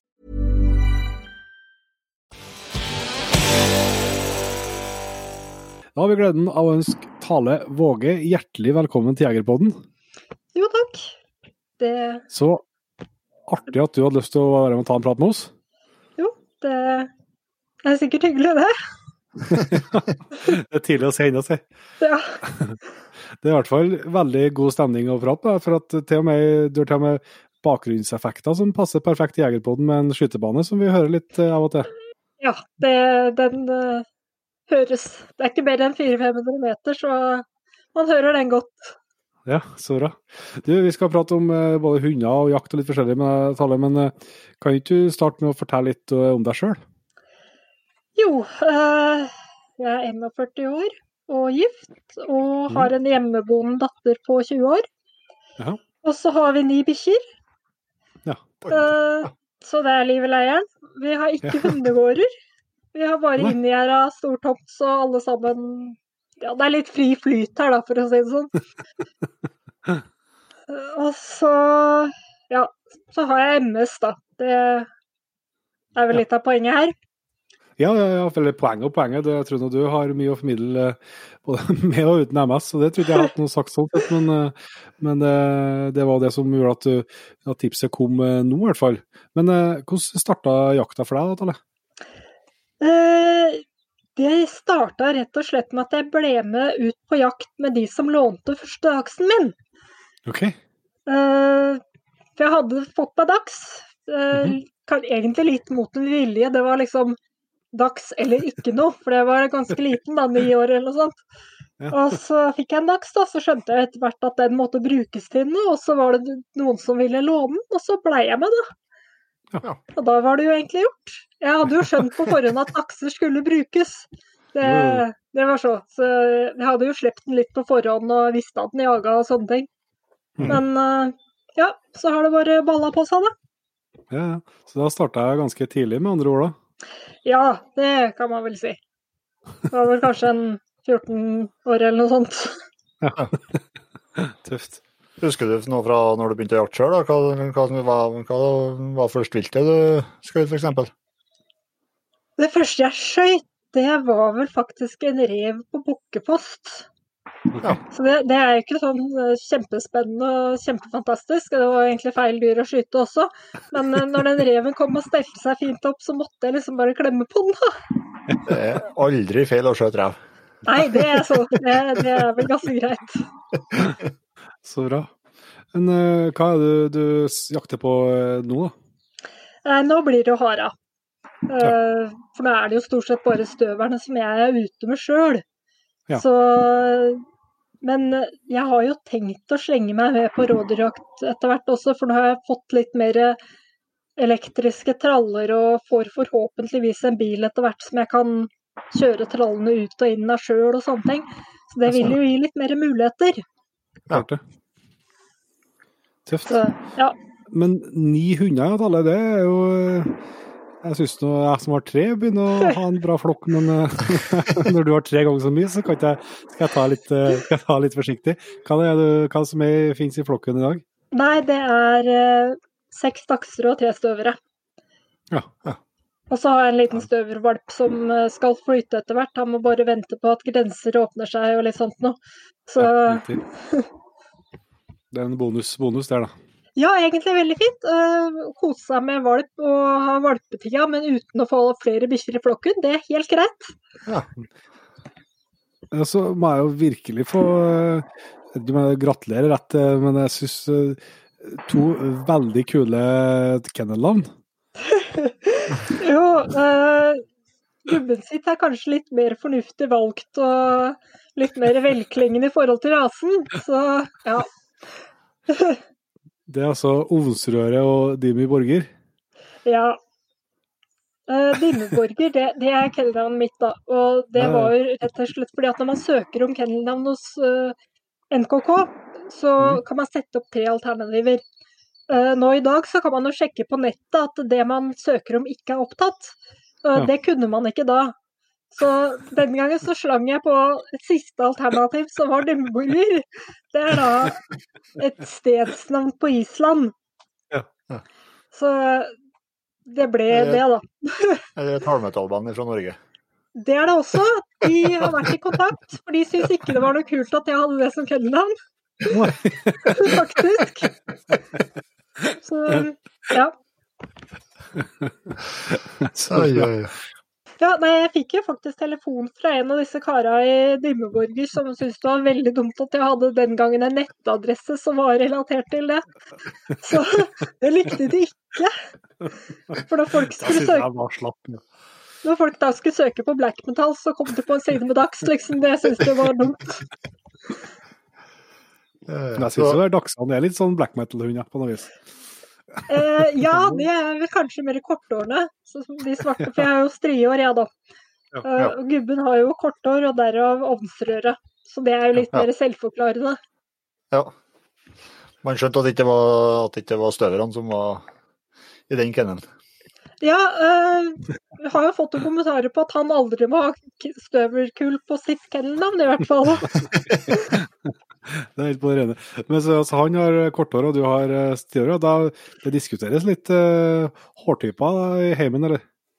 Uh, nei, egentlig ikke. For at, uh, vi er vel ganske enige om at uh, det går sånn ca. fem strihår på én korthår.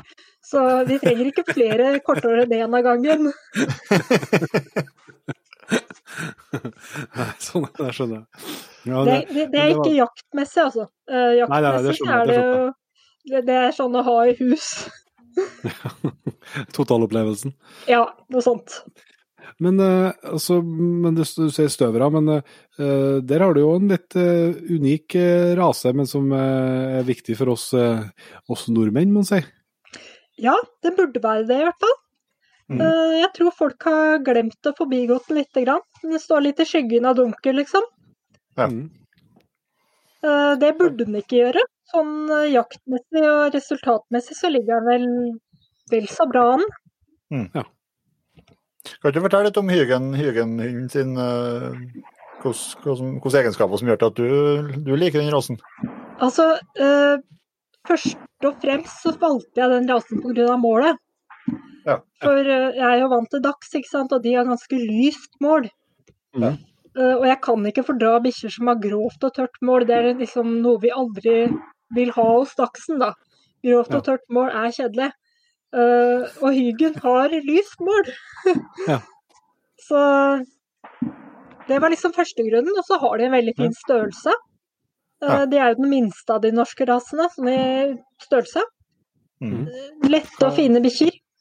Hva, hva, hva er vekta på en typisk eh, Uh, tispene er rundt 20 kilo. Ja. Så er jo hannene litt mer, da, selvfølgelig. Men uh, de er heller ikke noe sånn voldsomme. Nei. Men du bruker på, på hare, eller? Ja. Det er Mm. hare som er uh, som er hovedsaken. Uh, får du en hare som turer fint, så ja, så skjer alt innen forholdsvis grei nærhet. Ja, Klart det. De jager både rev og gaupe igjen der. Gaupe har jeg ikke prøvd, men Nei. rev jager dem. Ja. Mm. Eh, Egentlig dessverre. Jeg syns revloser er litt slitsomme, for det har lett for å gå langt rett fram og rett i et hi. Mm. Uh, hun mellomste står på hiet også, så da må jeg sitte der og vente på at hun skal stå og gævle på et hi tre kilometer unna. Det er ikke så spennende. Det kan jeg forstå. Ja, for det er jo ganske kjappe hunder her. De jager ganske fort, ja. Og særlig når det er så lett å ja, altså, Rev er jo superlett å jage. Og da skrur de jo opp farta lett, da. Mm. Ja. Det er lett å jage på en rev kontra en hare som springer eh, samme runden fem ganger. Veldig. Uh, Harejakt Altså, jeg vil vel kanskje påstå at å jage hare er noe av det mest avanserte en hund kan gjøre. Ja, ja. Det krever en del eh, læring og erfaring og Mm. ja, ikke minst stå-på-vilje for å få til det der. Klart det. Eller jeg har- i hvert fall inntrykk av at det- det er ganske enkelt de første meterne. Det er, det er det Ja. første hundene er gira på, men etter hvert så blir det mer og mer krevende. Ja, det tror jeg jeg kan være enig i. Det er helt sant. Det er ganske mye rart en Harald finner på. ja. Ja, det er noe i, det er noe i at ingen vet hvor den hopper, ja. Men eh, du har jo holdt på med, med hunder og jakt eh, store deler av livet, eh, Tale, og så har du jo fått noe som gjør at eh, du har måttet ha hatt litt tilnærming til, til jakta, eh, og sikkert òg hund, hundeholdet de siste årene, men eh, du, har jo, du holder jo lell på, og det er jo så utrolig givende å se. Eh, så jeg har litt lyst til å høre med deg om hva er det, Kan du si noe sånn konkret, liksom, hva det er du har eh, gjort for noen erfaringer og, og tilpasninger skal jeg si, for å kunne fortsette lidenskapen med, med jakt og, og hunder? Altså, den store tilpasninga er at jeg kjøpte støver. Ja. For eh, med rådyrbikkjer så må man stort sett gå lite grann. De, altså, for å jakte rådyr på stedet, du må nødt til å gå, de har ikke det samme søket. Uh, ja, i det hele tatt. Men, mens en Mm. støver som skal jage hare, den slipper du bare, og så sitter man på samme stedet. Det er veldig Mm. greit. Ja. Og så Så er du det kan å være, kan delta på den måten, ja. Både med trening og, og jakt. da. Ja, du får vel heller ikke noen andre viltarter som kommer diltende langs veien omtrent topper opp i sekken, ikke sant? Det, tror jeg har han. Men eh, da eh, så, for at Vi har jo lest en hva det var, jeg synes var en veldig god sak eh, som du var delaktig i i Jeger og Fisk i, i vinter en gang. og Det var flere ting som jeg, jeg merka meg der. Blant annet så, eh, så syns jeg det var så kult eh, det du sa rundt uh, innjaginga nå, at eh, nå gikk du ikke sunn søker på unna lenger. Nei, og det er jo helt sant. For det gjorde jeg jo mye før. Altså, jeg har jo aldri hatt ro i ræva i skauen, egentlig. Så jeg har nok gått litt for mye med dagsunghunder. Det har jeg nok gjort. Ja. Eh, Det får jeg jo ikke gjort nå. Nå er det bare å kjøre bilen ut i skauen og slippe ut en støvel, da. Så får den rive på. på. Ja. Det er ikke så mye annet å gjøre. Ja, Det er jo det. Jeg trenger jo Ja, for dere, det tror jeg at jeg har både har gjort og kanskje kommer til å gjøre igjen òg. Det, det er ikke, så enkelt det å klare å være tålmodig nok der. Nei, det skal jo helst skje nå. Mm. Ja. Det er veldig kjedelig når det ikke skjer noe. Ja, det er det. Nei, det er jo fantastisk å, å få se liksom få ja, At du kan, liksom kan, eh, kan inspirere, inspirere oss og liksom vi viser at det går, at det, det, fortsatt, at det, det går an å holde på like aktivt som før. da. Ja, mer eller mindre. Jeg får jo ikke starta dagser på prøve og sånne ting lenger, det gjør jeg ikke. Nei. Eh, jeg, jeg får sluppet dem og begynt på innjaginga, eh, sånn fra bilen. Ja. Mm. Men ikke så mye mer enn det. Nei. Mm. Det, det kommer litt i kort. Også eh, støverne er lettere å få en brukbar innkalling på enn dagsene.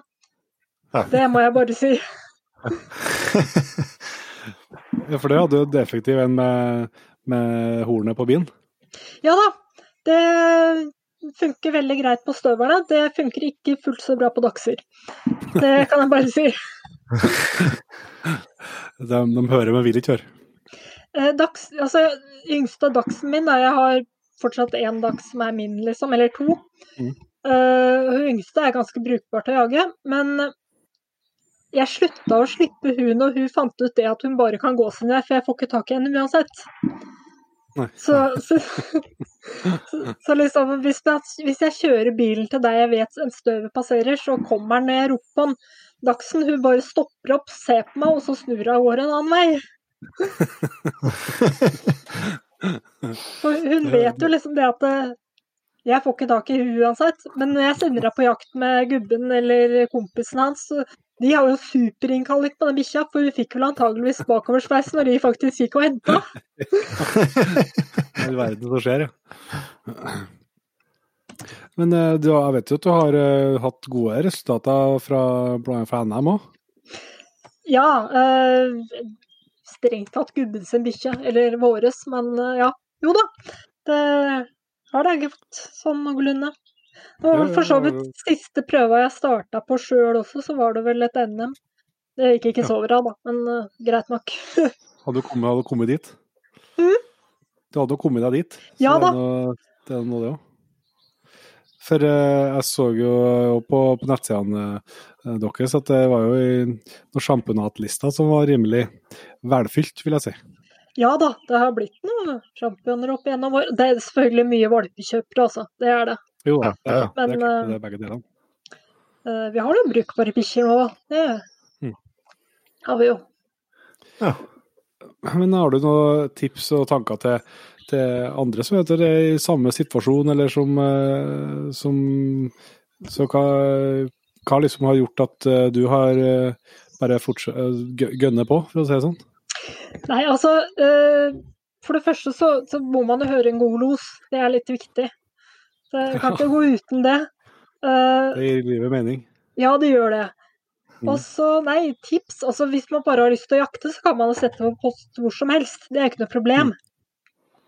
Nei. Men eh, skal man drive med hund og hundejakt, så er vel egentlig støvlingen. Det er vel ikke så mye annet å si enn det. Nei. Nei, men det er jo- et eh, godt tips, det, selvsagt. Jeg har liksom ikke tenkt så på det før, men selvsagt det, gir det, gir det mening. Ja.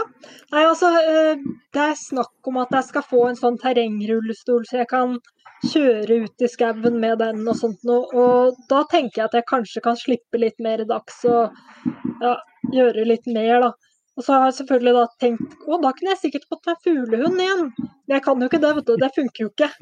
Det er bare dumt, bare dumt å tenke på det. Så det blir vel støver. Ja. Ja, men for at det blir en sånn, eh, sånn stor som dere, at du får det til å, til å funke, at man får eh, Nå prata vi om en eh, kar i går, og forstå at det var det jeg må si jeg ble eh, og, meget overraska over at det ikke var rom for å få skjøt ifra, ifra sånne kjøretøy. Det synes jeg var helt merkelig. Men jeg får håpe at det blir ordning på det etter hvert, da. Ja, det der syns jeg er kjemperart. Altså, det er jo ikke lov å skyte fra bil heller. Uh, ja, Nei. hva skal man si om det? Eh, er sikkert lurt for de som kan noe, men jeg ikke kan drive og gå ut av bilen og skyte fra andre steder, så Ja, sant. da er det sånn, da.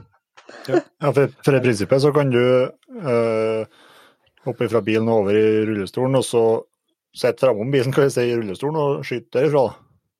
Ja, hvis jeg hadde hatt bil så jeg får med meg den ut. Det gjør jeg Ja, ikke. ja. Nei, nei. Eh, men det får jeg forhåpentligvis. Så, så Ja. da vil jo det være en mulighet. Så jeg håper jo det Mm. Det går i orden, ja. går i orden. Veldig bra. Utrolig eh, artig å få høre den eh, eh, historien her. Og det er jo eh, ja, bestandig stas å prate med, med folk som er ivrige på, på jakthunder. Eh, men vi har noen sånn, litt sånn faste avrundingsspørsmål i Jegerpodden og gjestene som er med her, eh, eh, Talle. Og det slipper ikke du unna heller, selvsagt. Nei, jeg har sett på dem. Ja, så da begynner vi bare på toppen der, tror jeg, og så hører vi deg om av jaktutstyret som, som du har med i skogen. Hva er det som du er veldig glad i, som du kan tipse, tips videre om? Uh, jo, der har jeg notert opp at det må være T5 Mini, faktisk. Ja. Nå er jo ikke ja. det sånn siste skrik eller noe kjempenytt, men uh, stor framgang fra vanlig T5. Uh, man tenker jo at det, det, er bare for små hundre dakser og sånt noe, ikke sant? Mm. Men det er det ikke. Uh, jeg syns det er mye bedre på de store også. For sånn som hun enetispa mi, hun har slått knærne sine nesten til blods på T5-en. For hun går og skraper knærne oppi den der eh, boksen, ikke sant. Ja. Mens med Mini så slipper man det. Hm. Samme rekkevidde, omtrent. Veldig greit. Ja, jeg driver, har jo akkurat anskaffa DAC sjøl, så jeg driver og, og faktisk og spekulerer på eh, Men da er det i hvert fall et uh, hett tips til skjønner jeg, å gå for, gå for minien. Det er ikke noe, det er ikke noe mye dårligere. Nei. Rekkevidde. samme rekkevidde omtrent, og ja. veldig mye greiere for bikkja å bære på. Hmm. I hvert fall for dagsen, ja, spesielt for dagsen. Ja. Ja, jeg, tror ikke, jeg, tror ikke, du skal spekulere så mye på det, jeg tror bare du skal kjøpe deg en sånn T5 Mini, ja, rett og slett. Det, det, ble, det nå. noe. ja, det ble det noe. Da får uh, Garmin sier en takk til Tale. Uh, og så er vi jo alltid interessert i, i jakttips, og hør hva som kan være ditt eh, beste jakttips.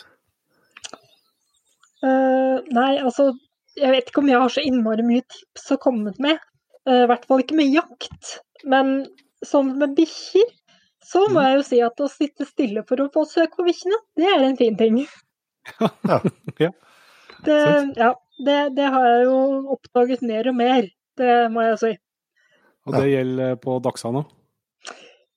Stort sett, ja. Det gjør det, altså.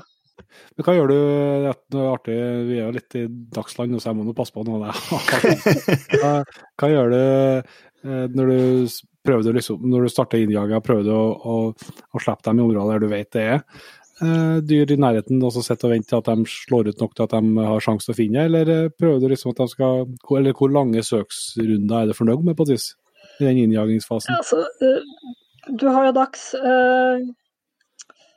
De har jo ikke verdens mest fantastiske søk, så man burde jo være fornøyd med 150-200 meter egentlig på en dags, altså. Mm. For det, det er ikke, de er ikke støvere. Men det er klart, noen har større søk òg. 300-500 meter og sånn, det er jo helt kjempe.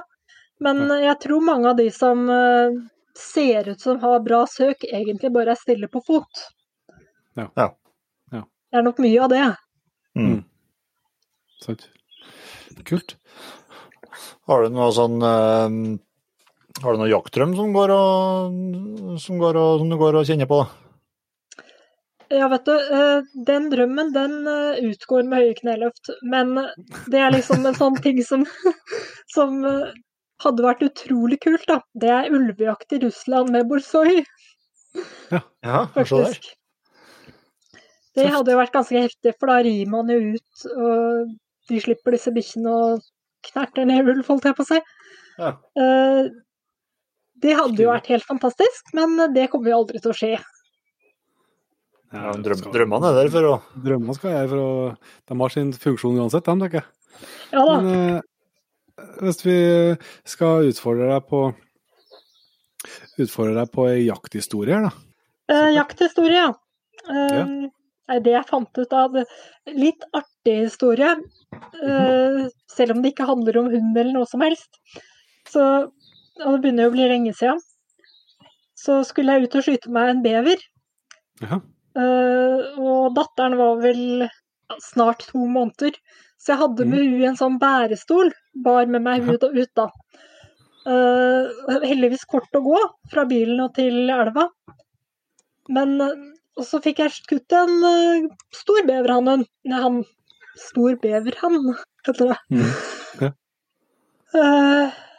og så var den altfor tung til at jeg kunne bære med både ungene og beveren tilbake. Så jeg måtte sette igjen ungen, og så bar jeg beveren til bilen først. og der som jeg kjørte inn, der var det jo et par hus. Så de i det ene huset hadde jo da sett at jeg hadde båret meg børse ut i skauen, og unge. Og kom tilbake igjen uten unge. så, Så det så vel kanskje ikke helt bra ut sånn med en gang. Nei, det kan jeg jo forstå, men det var det gikk jo heldigvis veldig bra. Ja da, jeg henta kjapt, så det var ikke noe problem. Men jeg tror ikke det så så bra ut. Det, må, det kan jo være det, selvsagt. Nei, men uh, Tale Utegard, skal jeg si tusen hjertelig takk for at eh, du hadde lyst til å ta en prat nå. setter vi kjempestor pris på. Eh, Jeg håper virkelig at dette har, eh, har eh, inspirert eh, det gjort for til meg, og jeg håper at jeg har gjort det til, til flere som, som hører det. Og så vil jeg ønske deg en eh, god ny ja- jakthøst og, og treningssesong når båndtvangen slipper taket etter kvarter. Så bra, takk. Da har jeg gleden av å ønske Harald Holte og Benedikte Holte hjertelig velkommen til Jegerpodden. Tusen takk. Eh, vi skal prate om eh, eh, en fantastisk historie, Benedikte, som, eh, som eh, du er, opphavet til. Eh, der du har eh, fått eh, felt flere elger. Det skal vi komme mer tilbake til. Men eh, først, eh, Harald og Benedikte, så må vi få høre eh, litt om dere. Ja, vi bor på ei øy oppe i eh, Nord-Norge som heter Andørja. Mm. Og vi heter jo da Harald og Benedikte. Og, og Benedicte sier hun heter Benedikte Holte og hun er 22 år gammel. Mm. Ja, og jeg er straks 45. Hun jobber på gård, Mm. og jeg er kokk. Ja. Og eh, hun er døv og litt nedsatt syn, for hun har noe som heter Usher syndrom. Så det er jo, hvis det, hvis det, det virker litt Dere som er vant til å høre på Jegerpodden, virker det som det er litt pauser. Så er det som er årsaken. Så at eh, jeg, jeg er ganske dårlig på tegnspråk, så er det meg være. det er en eh, Harald med å, å hjelpe til, så, så Benedikte får, får svar som hun sjøl ønsker. Ja, det må være litt tolking innimellom. Yes, det er bra. Men eh, kanskje vi kan eh, starte med å få høre litt om eh, din reise til å bli jeger, Benedicte? Ja, det er mye på grunn av familien, sier hun. Mhm. Men det.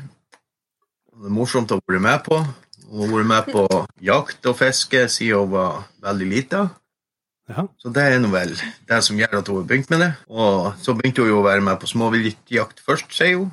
Og etter hvert ble det alt. Ifra bestefaren, og så til meg, og så til hun igjen. Og så har hun bror på jakt, og så vi er liksom en stor jaktfamilie hele gjengen, så det ble liksom naturlig å skulle ha henne med.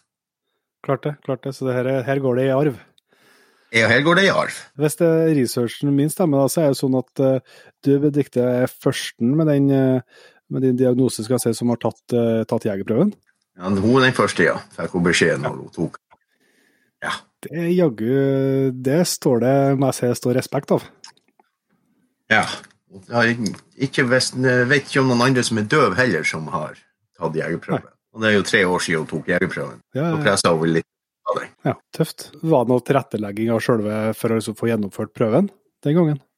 Nei, det var ikke noe spesielt som skjedde, så du kunne ta jegerprøven. Du måtte ta den på samme, samme som alle andre. Nettopp. Det hjalp meg. Og det er jo kjempe, kjempemessig. Mm. Men uh, det er jo uh, Og da frister jeg oss å høre litt om uh, første viltet. Du sier du starta med, med småviltjakt. Den første hun skjøt, var ei rype. Ja, så der. Så da eh, det sikkert. Ja, hun var, det gikk jo en stund før hun klarte å få første rypa. Det gjorde hun, men når hun først klarte første, så var det jo Da var hun i hvert fall for å si det sånn. Ja, det kan jeg tro. Eh, Men hva jakter du i dag? Er det både småvilt og storvilt fortsatt, eller er du, er du bare på elg, eller? Nå er det både småvilt og elg.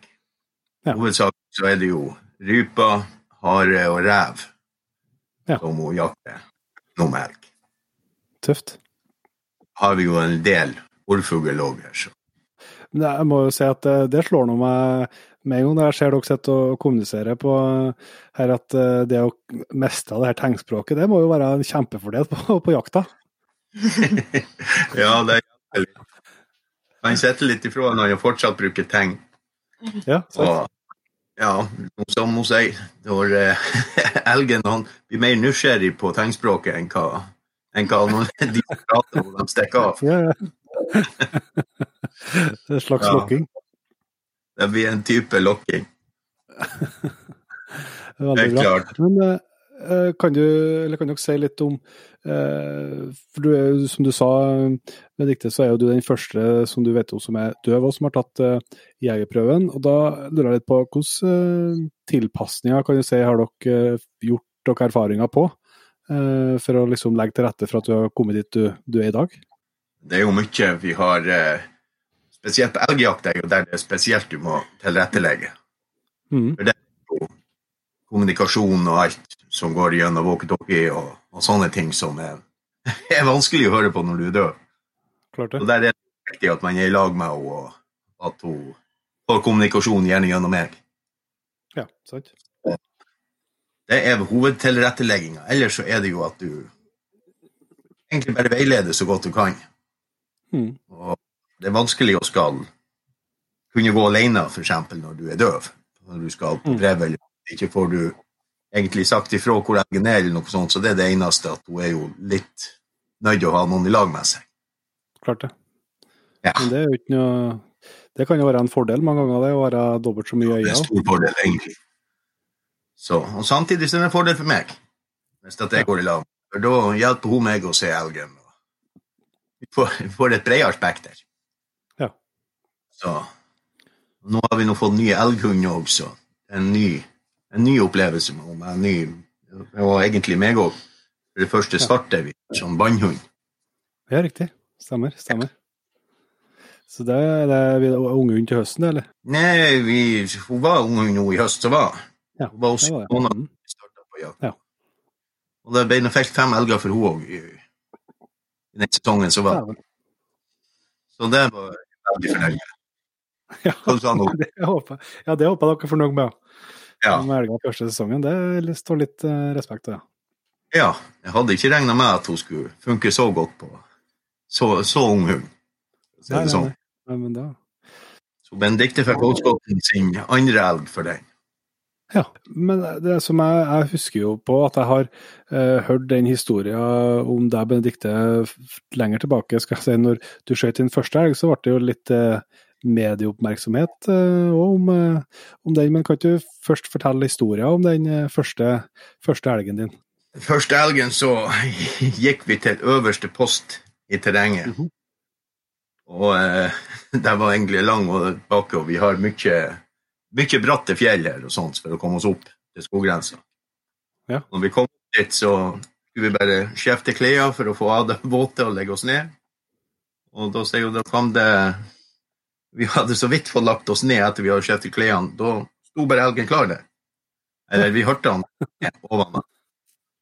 Og fikk kontakt med henne. Og hun fikk liksom bare sjokket og fikk hevet ned. og han han Vi trodde først han stakk av, og så kom han tilbake igjen og stilte seg helt åpen i glenda. Og liksom sto og venta. Det var tydelig at det var hennes første elg. Da skjøt hun en første liten okse. Mm. Tøft. Og så er det den beste gaven hun kunne ha fått å få elg. Ja, det er helt Ja. utrolig Og så er det jo òg godt kjøtt, sier du. Ja. ja, altså når du har en far som er kokk, så må jeg jo gå an. Ja, når du har en pappa som er kokk, så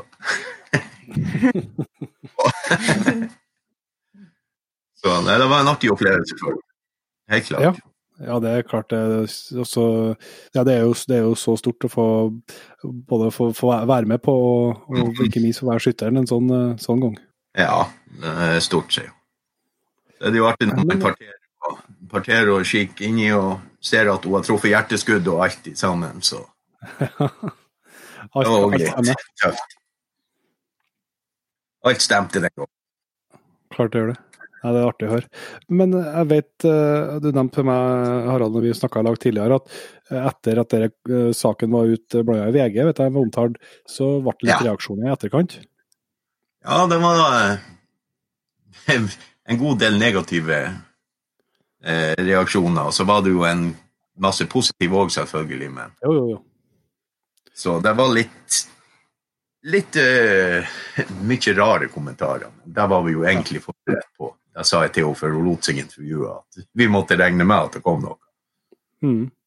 Men hva var det liksom fra jakt, jaktmotstandere, liksom? Eller er det Jeg var ifra jaktmotstandere og egentlig folk som mente at hun ikke hadde noe i marka å gjøre med våpen, pga. at hun kunne jo ikke høre og ikke se, mente dem, så det var mye det det gikk på.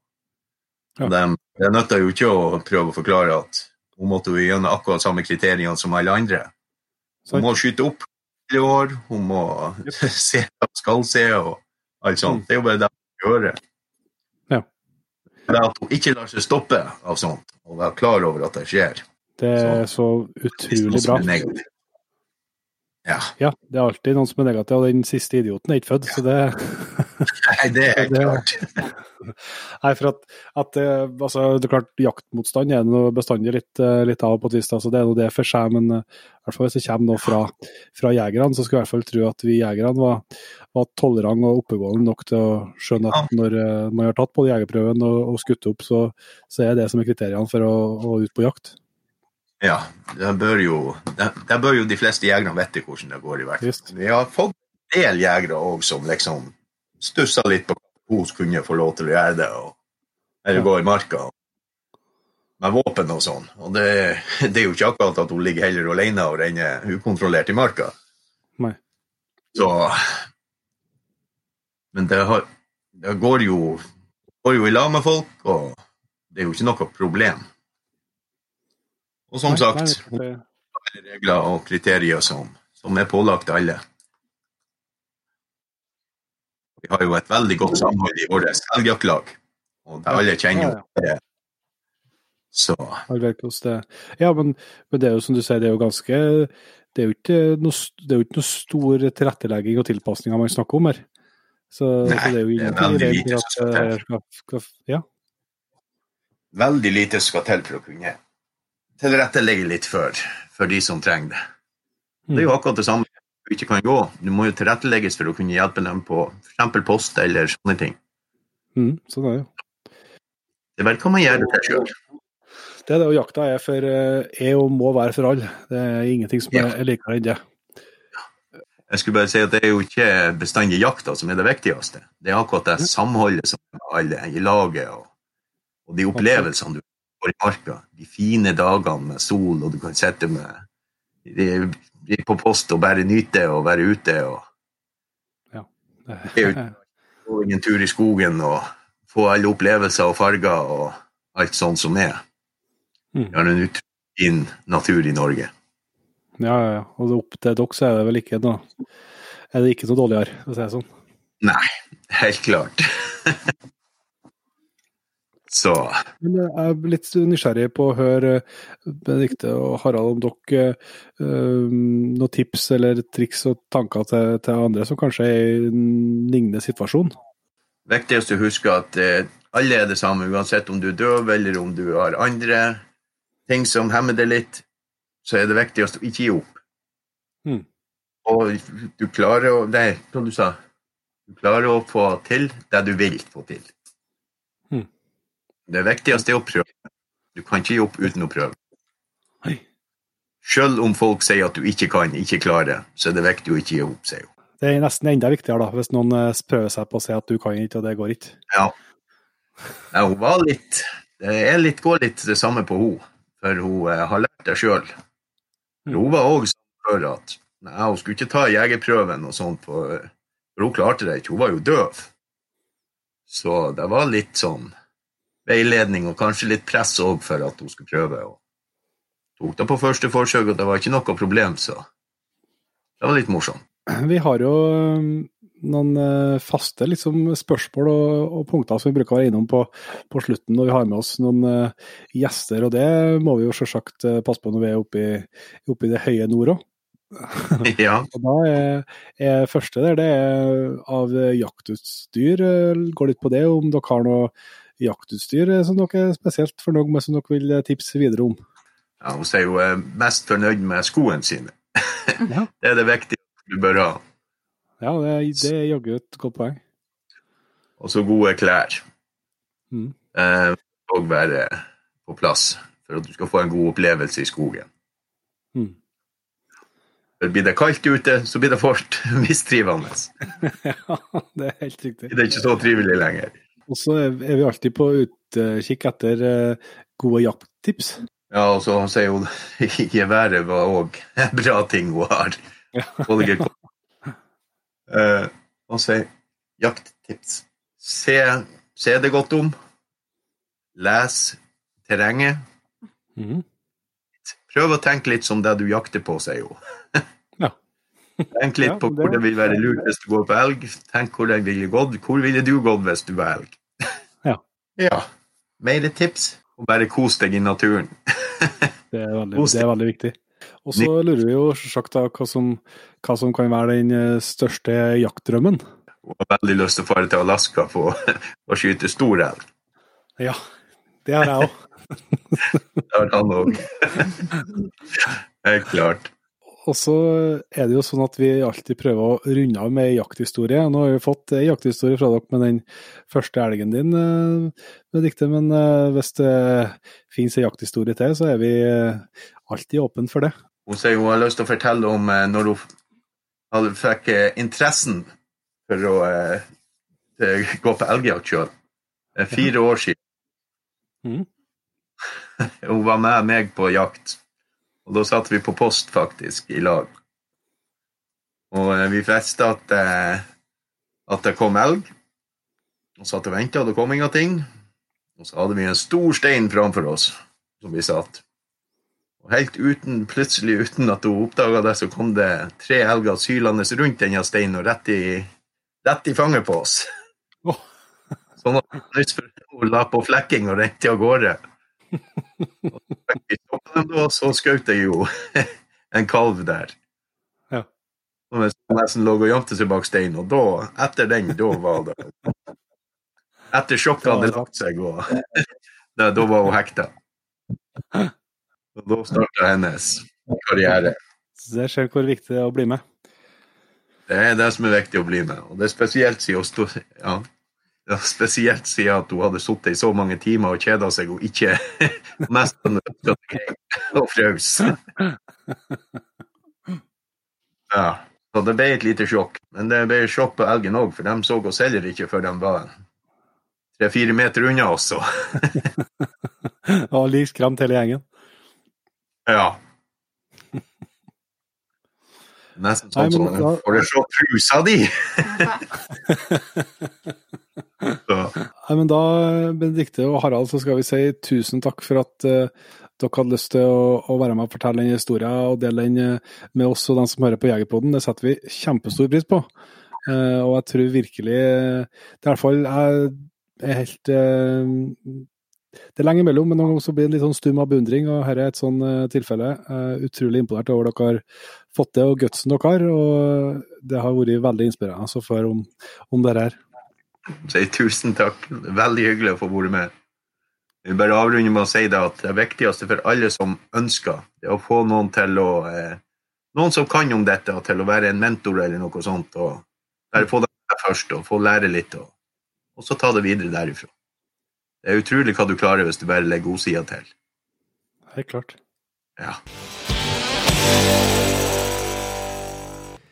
Det var altså Leif Arild Fjellheim, Tale Vage og Benedikte Holte og Harald Holte. Uh, som de kanskje mest observante lytterne har fått med seg, så var ikke Jon Inge med på siste delen her. og Nå må dere klare dere bare med. Han er på, på klassetur og utenfor dekning. Men uh, jeg håper du er enig med meg uh, når jeg sier at de pratene her har vært utrolig givende og ikke minst inspirerende. Eh, alle sammen gir et godt bilde av både hva som er mulig, eh, og at jakta er for alle. Eh, men ikke minst eh, hva jakta betyr, eh, og hva det kan gi av opplevelser for, for alle sammen. Så jeg håper at at du har kjent på noe, noe av det samme som, som meg der. Utrolig gode ambassadører for, for Jegerstand, de her, dem vi har prata med nå. Uh, og som det ble oppfordra til og det er, det er muligheter for, for nesten for alle sammen. Og eh, det, å, det er forholdsvis små ting som skal til for at uh, vi kan være med og legge til rette for å, uh, at uh, alle skal, alle skal få prøve seg som, som, som jegere. Så nei, dette var, var skikkelig artig.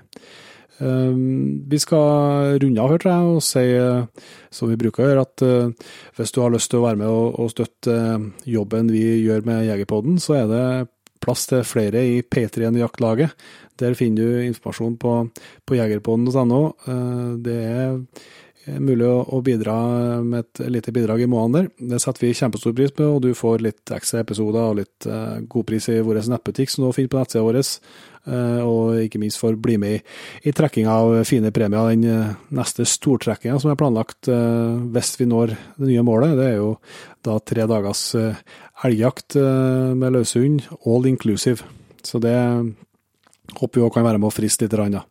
Eh, ellers så følg oss gjerne på Facebook og på Instagram. Eh, gi oss gjerne noen stjerner i din eh, podkastspiller hvis du har lyst til det. Og så tror jeg vi eh, gjør som vi bruker, Jon Inge, til neste gang. Vi høres.